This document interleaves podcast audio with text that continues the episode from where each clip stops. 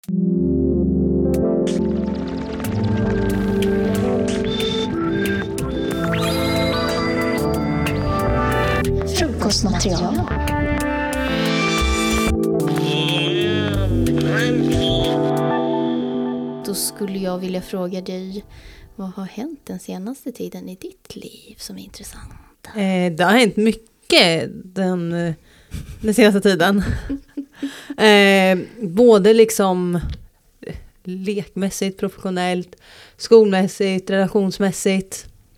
Eh, den här veckan har varit väldigt sån projektbaserad, men jag håller på och målat väldigt mycket, en tavla vi ska ha i lägenheten. Oh, den är så Ah. cool. Alltså den är en stor jävla tavla. En tavla också som ska bli dörren, den, den liksom andliga eller icke-materiella dörren till den här lägenheten. En som öppnar perspektiv, håller undan sånt som inte ska få plats här, som vi vill ha, hålla ute.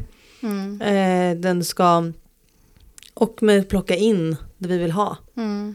Eh, och en hjälpmedel för de som kommer in att liksom komma in i ett nytt mode, ett nytt sätt att tänka. Mm. Eh, Jag har också planerat en, eh, ett liksom collab tillsammans med min eh, kära kusin eh, Salome och våran vän Liselott. Eh, Salome som är modedesigner och Liselott som är musiker. Eh, vi har gjort mycket grejer ihop och ska göra ytterligare grejer ihop nu i övermorgon. Det blir livestreaming här i eh, Exakt. Mm. Ja, det kommer redan ha skett då när det här är, men det kommer finnas uppladdat att titta på i efterhand. Och även videon på din process gällande den här tavlan. Ja, den ska också komma upp. Så det är det som jag också tycker är kul här med podden, att mycket jag gör är väldigt visuellt. Mm. Eh, men jag gillar att sätta ord på saker. Men jag har något ganska dåligt självförtroende med att göra det. Inte i tal, men i skrift för att jag är också väldigt dålig på att stava. Jag har dyslexi, så det är så här. Jag har inte samma självförtroende i liksom skrift som jag har i abstrakta former. Mm. Eh, men jag eh, tycker om att analysera, tycker om att prata om det jag gör. Så där känns det, det är för att bara få snacka om det, känns jätte, jättekul för mig. Jag tycker du är väldigt bra på eh, att kommunicera genom tal. I alla fall med mig. Jag vet inte hur andra känner. Men ehm, eftersom vi bor så tätt inpå, alltså vi är så tätt inpå varandra de gångerna som vi möts i, i hemmet så... Vi säger hemmet just nu, men, men lägenheten kommer ha ett namn så småningom. Vi ska försöka komma på något namn till lägenheten. Mm, förhoppningsvis har vi ett namn nästa gång vi sitter här. Mm, precis. Eh, Men just nu så är det eh, juletid. Det är julafton om några dagar. Ja, fyra dagar! Ja, jag är supertaggad. Jag kommer sitta i ett hus uppe i Norrland och göra musik. Och eh, bara vara neddrängd i kärlek och, och, och tycka Ja. om och, och snö och katter och fantastisk eh, lover. Vilket eh, får oss att glida in på ett eh, kommersiellt intressant en kommersiellt intressant punkt gällande den här podden och vi som individer. Så Wendel och jag är ganska lika på många sätt men vi är också väldigt olika på vissa sätt. Och en av dem är vad för relations och kärlekstänk och tyck och form vi har valt att bejaka i vår vardag. Så du kan berätta om hur du eh, väljer att älska och eh, så. Ja, jag eh, väljer att älska monogamt. Oj. Jag är en person som är ganska fixerad vid en sak allmänt. Jag kan liksom hitta en sak jag tycker väldigt mycket om, en maträtt jag tycker väldigt mycket om, en period och då vill jag bara äta den. Jag får för mig att jag vill ha en viss sås till alla maträtter och då vill jag, tycker jag liksom inget annat duger. och samma sak är jag verkligen med partner. Att hittar jag en jag tycker om, då bleknar alla andra. Eh, jag, jag, jag, ja, eh, jag tycker väldigt mycket om att snöa in mig i en person och eh, dyka in i en person och liksom ja. Eh, jag gillar att få fixera mig vid en människa. Det är väldigt fint. Har du Ah. sett serien You? Nej? Du borde se den. Den är lite galen. Och den är lite, men den är också rolig och Ja, fin. galet gillar vi. Ja. Och jag, jag tror att jag vill att du ska se den för jag är intresserad av att höra vad du tänker om den. Mm, Det kan vi kan diskutera här i något avsnitt. Ja, hela komplexiteten. Det är, jag är väldigt intresserad av psykologi, så alla sådana här serier som har med mänskligt tänk och mänskliga beteenden som kanske at first glance är lite tabu, det tycker jag är väldigt intressant och eh, reflektera över. Så Ja, din, nu vill jag höra om din relationsform. Jo, så jag har valt att inte vara monogam. Och det kanske är lite konstigt för många, men eh, jag har byggt upp ett liv där jag är väldigt lycklig i den här konstellationen av att eh, älska fritt med väldigt mycket consideration. Jag kan förstå att om man inte har någon relation till polyvärlden eller flersamhetsvärlden, man kan använda vilket ord som helst. Jag tycker att man borde fråga varje individ som har valt att leva med den här relationsformen, eh, vad det innebär för dem. För det finns verkligen inget um, det finns inget, eh, vad ska man säga, som, som monogami, det är ju väldigt mycket, folk vet vad det är liksom, folk vet vad, vad för regler som gäller. Uh, flersamhet, inte riktigt där än. Även om det är väldigt etablerat nu, tycker jag, globalt, i alla fall i västvärlden. Eh, och speciellt i USA där det eh, kanske typ började rent eh, kommersiellt så är vi ändå fortfarande på en plats där mycket handlar om att fråga varje individ eh, hur, vad betyder flersamhet för dig och vad för regler och livsstil har du gällande det. Men för mig så har jag valt att eh, ha ett par väldigt viktiga punkter som hjälper mig att vara lycklig i vardagen. Jag blir väldigt, väldigt kär i lycka. Jag blir väldigt kär i människor som har någonting som jag själv vill ha. Och det jag verkligen vill ha i livet är att jag vill bara ha kul, jag vill må bra och jag vill känna att jag verkligen dyker in i existensen. Och det kan man se på människor som är lyckliga och passionerade. Jag märker oftast att många som får vara sig själv um, när de får göra någonting som de tycker om. Det, det, finns en viss energi och en viss liksom, skönhet i det som jag blir väldigt kär i. Så jag kan bli kär i människor, men människor för mig är personlighetsdrag. Eller klustret av personlighetsdrag. Um, och jag tror att långsiktigt, eftersom jag vill ha relationer som håller länge, så tror jag att för mig är det viktigt att jag, ett, inte behöver ta ansvar för andra människors lycka. Två, um, se till att bygga en kultur där alla har ansvar för sin egen lycka. Och sitt egna liv liksom.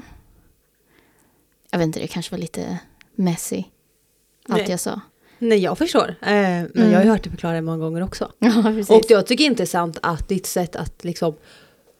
Du benar ju upp ditt tänk på relationer så mycket. Mm. Vilket har fått mig väldigt mycket analysera hur jag tänker om relationer. Mm. För att det, det är så många olika...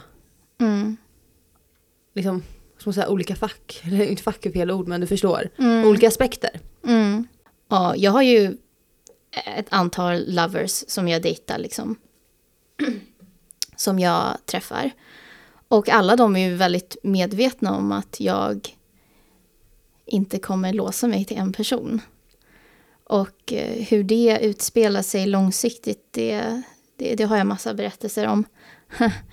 Men eh, jag vet inte, jag blir inspirerad och eftersom jag gillar romantik så mycket så det finns så mycket romantik att hämta rent historiskt i monogami eh, relationer.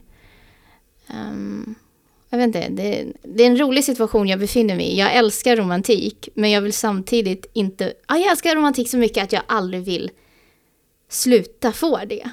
Och det känns som att folk typ bara engagerar sig i början av relationen för det mesta. Och sen försvinner det. Kanske för att det blir för intensivt om man är bara en och en, i alla fall till relationen med mig, för jag är ganska intens. Ja, sen är det väl också det faktumet att så här, förälskelse och sånt lägger sig. Mm. Och eh, jag tror absolut man kan vara lika romantisk ändå. Då kan det vara viktigare än någonsin att vara romantisk. Mm. När, för då kan man verkligen behöva den bekräftelsen, man kan behöva den glöden, man kan behöva liksom de medlen.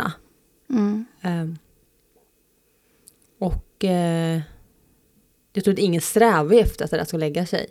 Men absolut kanske i den monogama världen ändå så blir det så för många att det blir bekvämt. Mm. Och bekvämt är ju någonting väldigt bra, att det är tryggt, att det är säkert, att det är liksom familj, att det är hemma. Mm. Men sen är det klart att det är jätteviktigt att fortfarande anstränga sig för det som är hemma. Mm. Du menar i monogam relation då? Ja, och det är Ja. ju klart det kan bli samma sak om man har flera partners.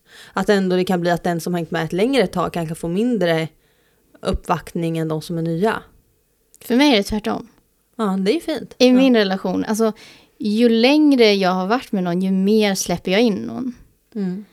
Ehm, jag är väldigt öppen, men jag är väldigt reserverad. Jag tror att eventuellt i början när man träffar mig så kan man nog tänka att jag är ganska tråkig och pragmatisk. Det var aldrig mitt första intryck. Nej. Ja, men kanske när man dejtar mig, för jag är väldigt mycket så här, vad tycker du om det här? Jag är så här, hur är du? Kan vi ses nu? När ses vi? Säg det här. Jag har väldigt lite, väldigt lite lekfullhet i min kommunikation. Ehm, I början skulle jag tro. Jag dejtar ju väldigt mycket via nätet. Uh, ska vi vara så snälla? Eh, jag använder väldigt mycket Tinder. Internetet. Internetet. Jag använder väldigt mycket Tinder. Ehm, så för mig blir det väldigt snabba dejter. Alltid videosamtal innan vi ses IRL till exempel. Eh, och diverse, men det kan vi ta ett annat avsnitt. Detaljerna på hur jag Ja, det kommer mycket mer. Men vad kul, okej, vad har hänt mer i ditt liv den senaste tiden? Som är väldigt intressant och vad har du Jag vet att du över? fiskar efter något. Vadå? Jag, jag, jag, Nej, eh, nej, jag ska inte säga mer än att eh, jag har nära relationer som blivit ännu närmare. Och det är väldigt fint. Mm. Att, och jag är en väldigt också, jag är en väldigt social person men också reserverad. Eh, så att det är väldigt skönt för mig att känna att jag kommer närmare någon. Att jag Mm. liksom gått över en, en tröskel så. Mm. Eh, det känns väldigt skönt. Mm.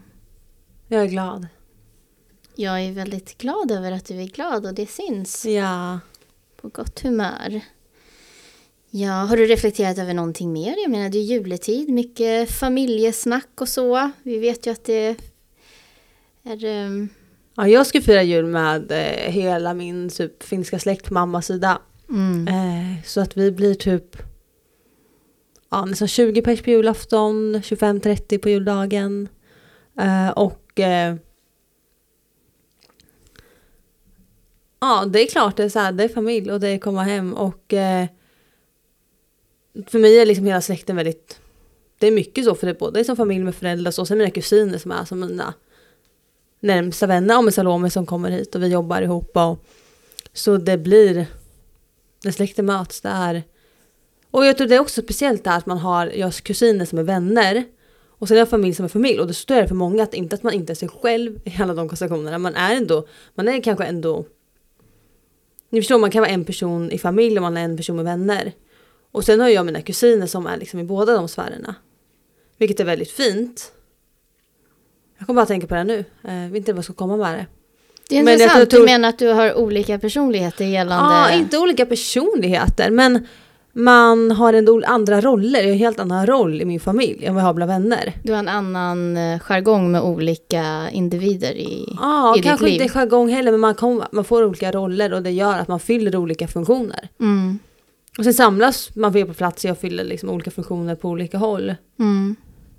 Och Lite så är det ju polytänket för mig. ja, Alltså olika partners fyller olika funktioner. Jo, för man men- har olika relationer till dem och de har olika connections liksom. och så tror jag egentligen det är för alla. Alltså Mm. jag menar eh, min, uh, alltså jag har vänner som fyller olika roller, familjemedlemmar som får olika roller. Och sen väljer jag att vara monogam, men den personen fyller, fyller också en roll. Den Mm. fyller inte alla roller. Nej. Och det är ju tur det att man inte, alltså, och hur man, än, hur man än har sin relationsform så tror jag ingen ska ha bara en person att liksom lägga allting på. Mm. Eller känna att man får allting ur. Mm. Men det tror jag också är en viktig aspekt. Jag har ju... Jag är ju... jag är en vuxen kvinna. Men jag har ju ingen familj som du har. Nej. Um, jag har varit en väldigt brokig, eller bråkig barndom. Och sen så har jag inga syskon, inga kusiner och så. Som jag spenderar tid med. Och det är ju raka motsatsen till dig. Jag är... eh, Det är jag och mina katter, typ. De senaste fem åren skulle jag säga att konstellationen har sett ut så. Sen har jag haft partners och nära eh, vänner, men ingen som jag har så här, ja men det här, jag vill spendera, jag vill spendera jul med den här personen typ. Utan det har varit mer så här, ja men gör någonting, firar.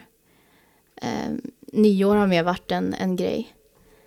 Eh, men det tror jag också har påverkat varför jag har valt att gå den här vägen av att vara flersam. Och att det känns så naturligt för mig. För jag har ju inte den där, men nu ringer jag till min kusin. Eller nu, nu hör jag av mig till eh, morsan eller farsan. Ja men det kan jag förstå, du behöver en större familj. Än bara en du plus en till som blir en liten familj. Mm. Du behöver då, genom att ha flera partner så får du liksom en större släkt om man kan säga så. Mm. Men som jag som har en väldigt stor släkt för mig räcker det liksom att släppa in en person till. Ja.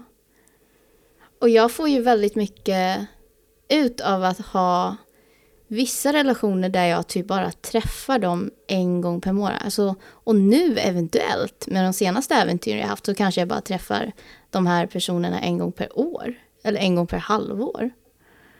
Ehm, det får vi se, det är också en intressant liten, min, min dejt till San Francisco. Ja, det måste ju nästan bli ett eget avsnitt. Ja, det, det var ganska För det var en dejt med stort D. Ja. ja. Nej, inte, inte riktigt i den aspekten, men... Det tycker jag, Ja. som observerare. ja, jag menade snopp. Jaha. ja, det är så. Jag, jag, är för, jag, jag är för oskuldsfull. Nej, jag förstår inte sånt. Ja, man kan tro det i början. Mm. Men vad mer då?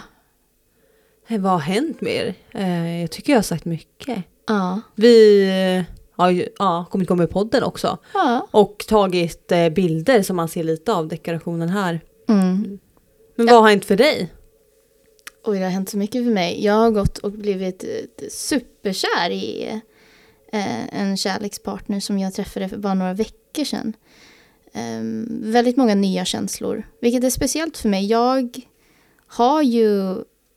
Jag älskar ju väldigt mycket och väldigt brett och de senaste åren har jag lärt mig att vara väldigt obrydd i att följa med folk ner i deras misär.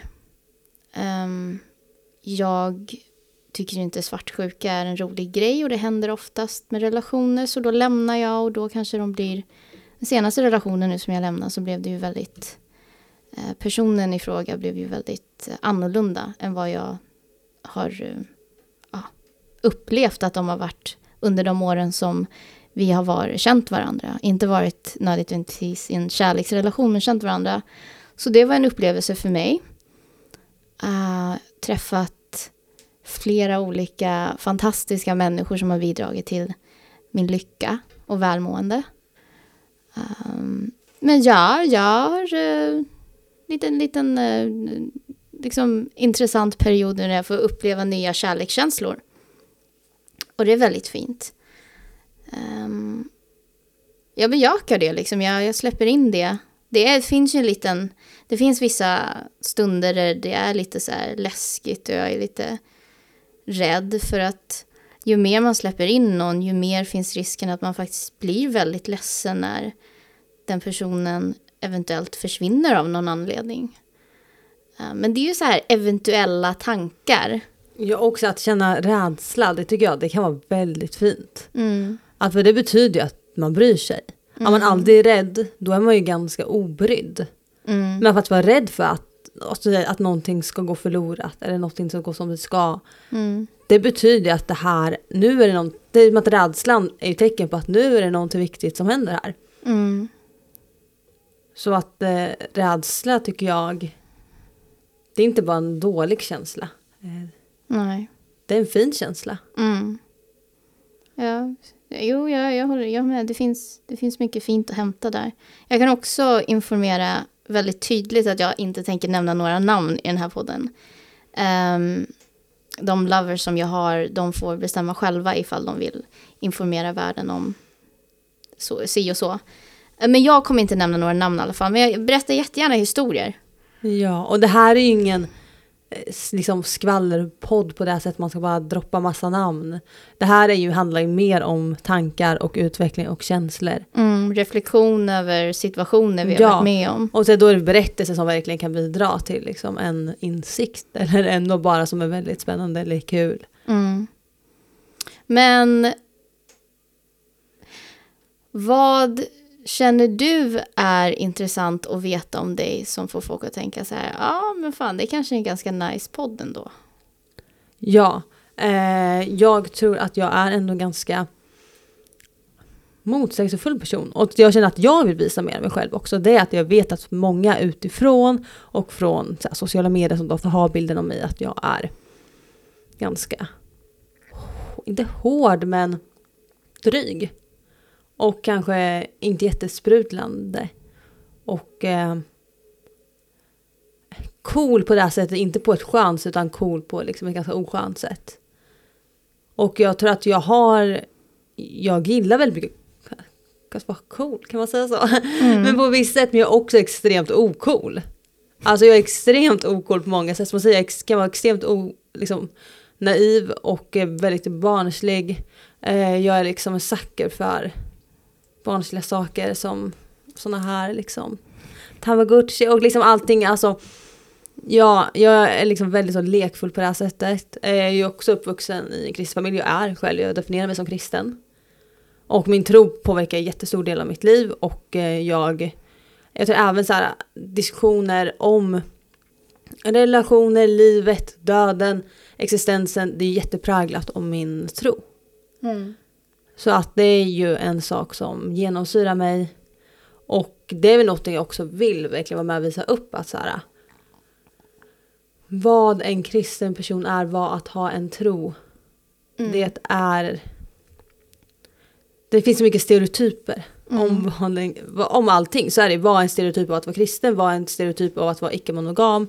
Vad är stereotypen att vara en poddare, att vara konstnär? Det finns ju allt sånt. Mm. Och eh, genom att, eh, men jag tror att alla människor är mångfacetterade egentligen. Och eh, jag vill väl visa min, min Mm. bredd. Jag tycker det är väldigt, väldigt fint att... För det första är jag väldigt tacksam att jag får uppleva ett, i princip ett till liv genom ditt perspektiv från dag till dag. Då vi har stunder där vi pratar med varandra kring frukostbordet om frukostmaterial. Men bortsett från att jag är väldigt tacksam för att du har valt att faktiskt gå den vägen som inte är kontroversiell, men kanske inte så självklar. För dels så har du en tro, tro på Gud, du är kristen. Men sen när man träffar dig, då tänker man också så här, men hur går det här ihop?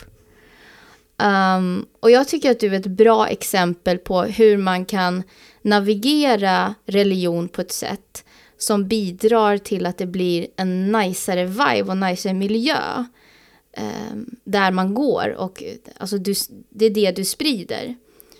Um, jag vill också bara understryka det för folk som lyssnar. Alltså Vendela är verkligen inte en sån här "Du- Oj, du tror inte på Gud, nej men då kan inte jag umgås med dig. Eller nej, jag kan liksom inte, eh, vi får klippa bort det här om jag inte ska säga det. Men nej, vi kan inte ha sex innan vi gifter oss. Eh, vi får klippa bort det om du inte vill ha det.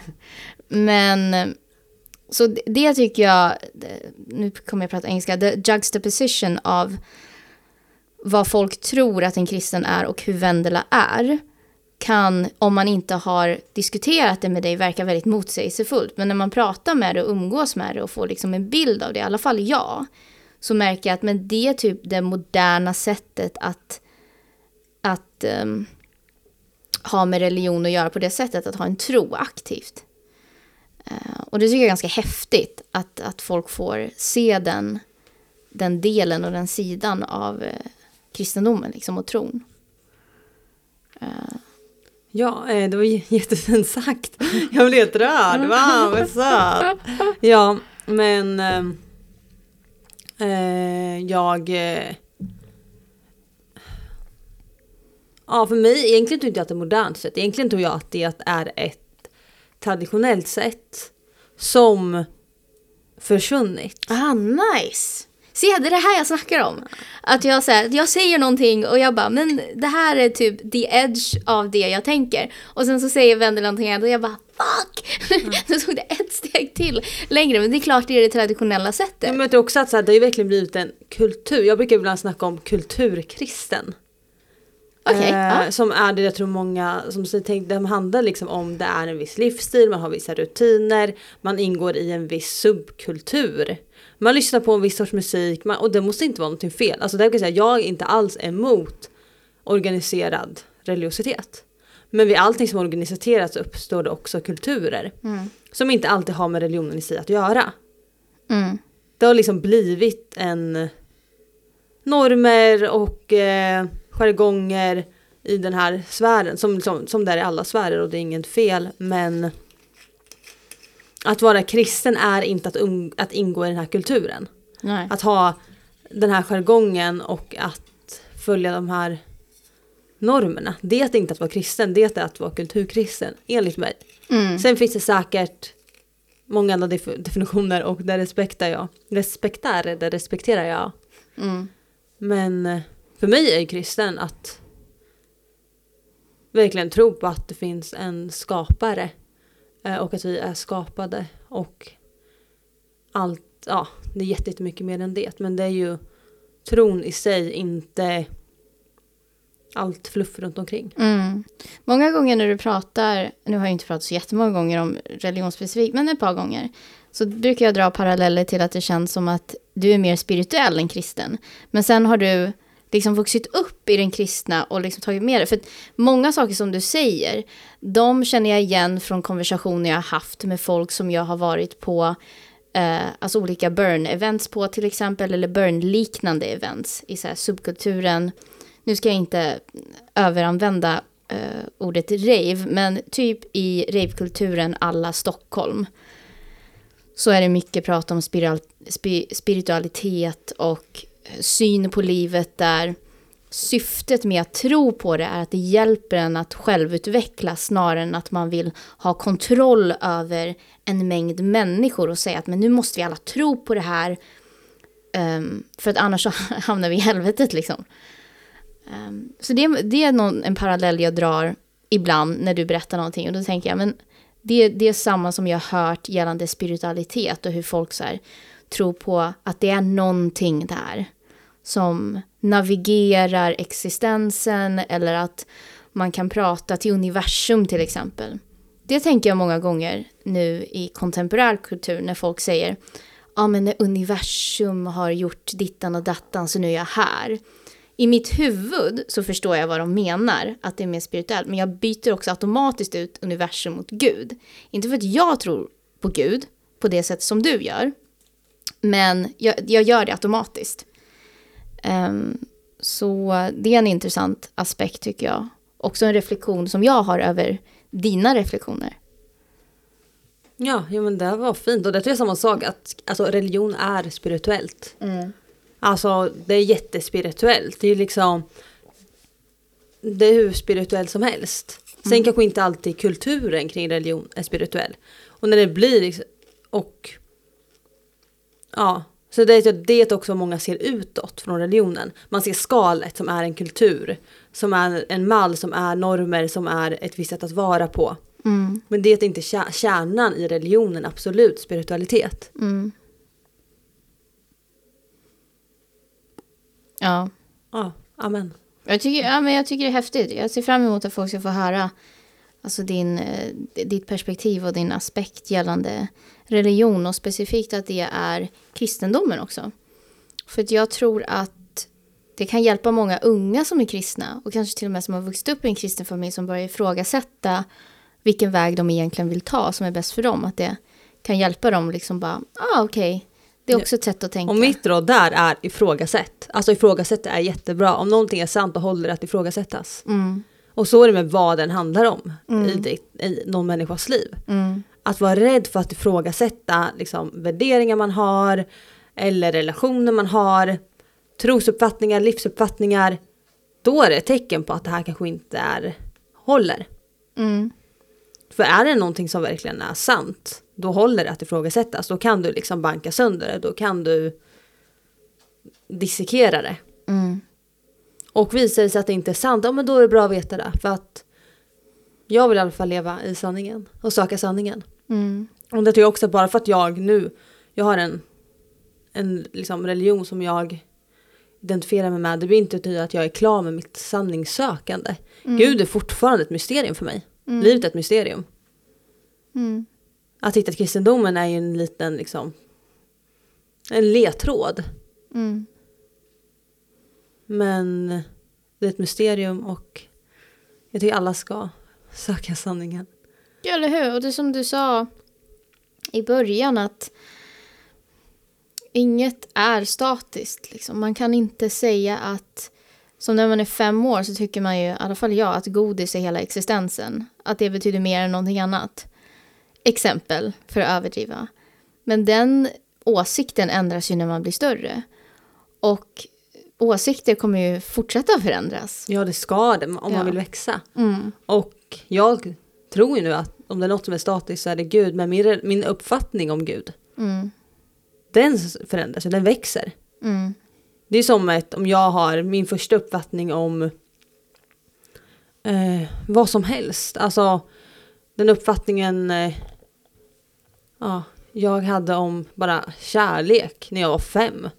Det är helt annorlunda än vad det är idag. Det betyder inte att kärleken var falsk när jag var fem, eller falsk idag. Mm. Men den har vuxit. Mm. Vi har ju en punkt Mm. som är varje avsnitt som är jätteviktig. Mm. Och det är att vi är vid ett frukostbord och man kan ju inte vara vid frukostbordet utan att smaka på frukosten.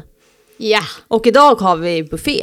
Det är ju typ julbord och det är ju snart jul. Mm. Ehm, så att, ska jag presentera buffén? Ja, gör det. Eh, först så har vi popcorn. Mm. Det är poppad majs, korn. Eh, sen har vi en liten smoothie. Eh, med blåbär, ananas och så vidare. Sen har vi en, dagens bröd. Ah, det, det, det, faktiskt, det ser inte så mycket ut för världen, Det men det är nice. faktiskt gott. Ja, och det här är då klassisk baguette med inte lika klassisk huggtänder och svampar i. Och här kan vi lägga till vad som säger mig att jag är ju typ besatt av vampyrer. Jag älskar vampyrer. Så att här är mitt vampyrbröd. Och eh, det blir, det, blir så, alltså det smakar lite som pinnbröd.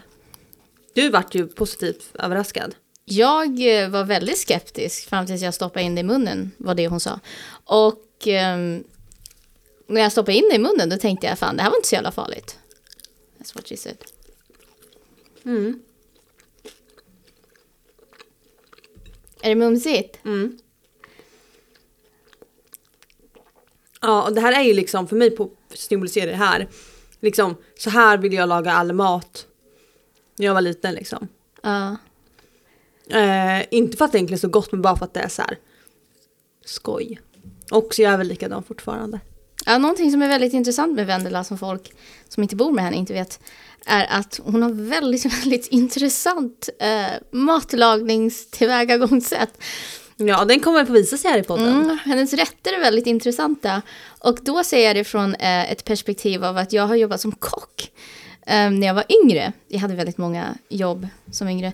Men en av dem var att jag jobbade som kock, gjorde mina egna eh, recept och så vidare som, som sen lagades på eh, diverse olika matplatser. Så från mitt perspektiv så har jag varit väldigt inramad i ett visst sätt att hantera mat på. Um, men Vendela, hon har... Um, hon kan blanda saker som låter väldigt äckligt. Och sen så är det inte så jävla äckligt. Nej. Jag, Nej. tror många har ju, jag tycker många har väldigt fyrkantiga idéer vad man kan blanda. Mm. Att det är så här, köttfärssås måste ha pasta till. Eller ja, spaghetti. Mm. Men så här, bara testa det med ris tycker vissa, vissa är typ sjukt. Mm. Men Sjukt. ja. Så dramatiskt. Vi har, vi har ju också gårdagens pizza här. Som sagt, kallpizza är ju... Det är ju bra, helt enkelt. Uh, här har vi ett annat form av godisbröd med så här M&M's tror jag det är, och majonnässås. Mm. Uh, svinäcklig. Vindruvor. Tom Erik-kex. Mm. Var det något vi missat? Ja, lite ägg i olika slag. Ägg med... Eh, vad är det? Chokladsås? Någon, na, Nougatsås. nougatsås och... Ja. Eh, Vilket jag inte tyckte var så farligt faktiskt. Alltså eh, äggvita och nougatsås kändes lite som, för maräng är ju äggvita. lite crème brûlée. Crème brûlée. Men hur som helst, tanken i framtida avsnitt är att, ehm, att jag ska smaka på det som Vendela lagar. Och sen ska jag vara brutalt ärlig. Ja, och det handlar ju också om inte bara smaker utan vad det får dig att känna. Precis. Eh, så jag vill fråga dig här nu, vad har den här buffén fått dig att känna? Tänka, minnas, uppleva? Ja. Vad har den här buffén fått mig att känna, tänka och uppleva? När jag käkade brödet så... um, det, var inte, det var inte så mycket minnen som jag gick till. Det var mer att jag bara så här, just det, jag borde vara mer öppen. Jag har liksom varit så instängd i mitt sätt att existera och tänka gällande mat. Och sen så reflekterar jag, undrar om jag har det, om det har så här sipprat över till andra områden i livet. Att jag så här har stängt in mig.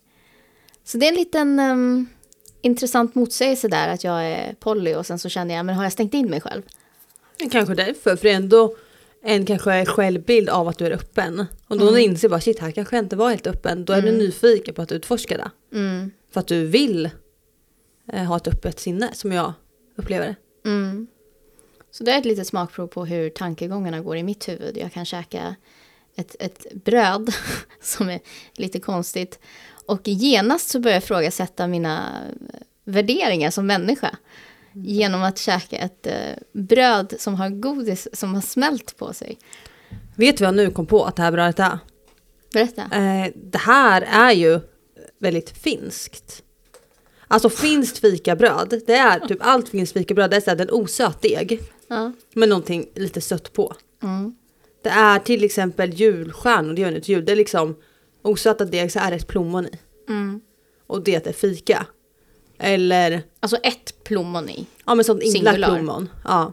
Och det typ lite så här puder, vet det, lite florsocker. Men det är ganska osött ba- bas med någonting Mm. eh, sött. Det har jag inte tänkt nu på. Men liksom att det inte är något pärlsocker på, det är ingen söt. För hade det här varit en sockerkaksdeg, då tror inte jag att det hade varit gott. Det är ju brytning med det är till och med lite salt, är lite olivolja i den här degen. Tillsammans med lite godis. Det blir liksom en, Vendela, en kombo. Vendela kombo. Mm. Jag gillar det. Mm. Men för mig får ju det här mig att bara känna mig alltså fri, vuxen. och då börjar jag säga så här, ja för nu när jag är vuxen då får jag baka godisbröd. Då får jag liksom slänga upp allt på bordet och det blir smutsigt. Ah, intressant. Och man kan liksom, jag är ganska så att jag verkligen vill uppfylla mina barndomsdrömmar i vuxen ålder. Ja, jag fan vill inte det. Nej, men så här, det här hade varit livet. Om jag bara säger, sa till Vendela sju år, titta vad jag gör nu. Jag sitter här och käkar godisbröd. Då hade hon varit jättestolt över mig. Fan, du har rätt. Alltså Ja. jag har samma mentalitet. Jag, ibland när jag går ut och äter, för jag har en favoritrestaurang. Så ibland går jag ut och äter på den restaurangen och sen så beställer jag förrätt innan huvudrätten. Och eh, de känner ju mig där nu. Eh, så de brukar skratta till lite och tycker fortfarande att jag är lite lustig. Vänta, menar du efterrätt? Ja, jag menar efterrätt, sorry. Jag sa förrätt, eller hur? Ja, jag bara, det är inte jätteweird. Nej, nej, nej. Efterrätt är det korrekta. Jag, jag käkar efterrätt innan huvudrätten. Ehm, och typ någon gång var jag där med en tjejkompis och så skrattade hon och sa vad lustigt. Och ibland då säger jag att det är det bästa med att vara vuxen. Man kan göra vad fan man vill. Kan jag bara, nu ska jag testa det här brödet med sriracha på också. Lite Oj. starkt till. Intressant. Mm. Är det starkt? Men också sött. Mm. Bästa kombon, älskar sött och starkt. Sött och salt, sött och starkt, sött och starkt. Mm. Så du gillar chilichoklad? Ja, Ja, det är bra att veta. mm, det är bra. Mysigt. Nej, och det tycker jag att jag, både du och jag är lika där. Att vi vill ha en vardag som är väldigt mycket byggd på lek. Och där tror jag också att så här, få göra leken till vuxenliv. Mm. Det är det enda jag vill göra hela tiden. Jag vill bara leka. Ja, sen tror jag lek måste inte vara att liksom leka med Barbie-dockor. Så här, det gillade inte ens jag när jag var liten. Ehm, Men till exempel nu bara att få typ plugga och läsa så akademiska texter. Mm. Ja, det kan också vara lek. Då leker jag med min hjärna, jag leker med mitt sinne. Jag leker med mitt intellektuellt, elektu, intellektuet, intellektuett, intellektuellt. Intellektuellt. Ja, jag leker Mm. med hjärnan. Mm. Och att eh, försöka se mycket aktiviteter. Träning för mig är också 100% lek. Mm. Ute och leker och springer.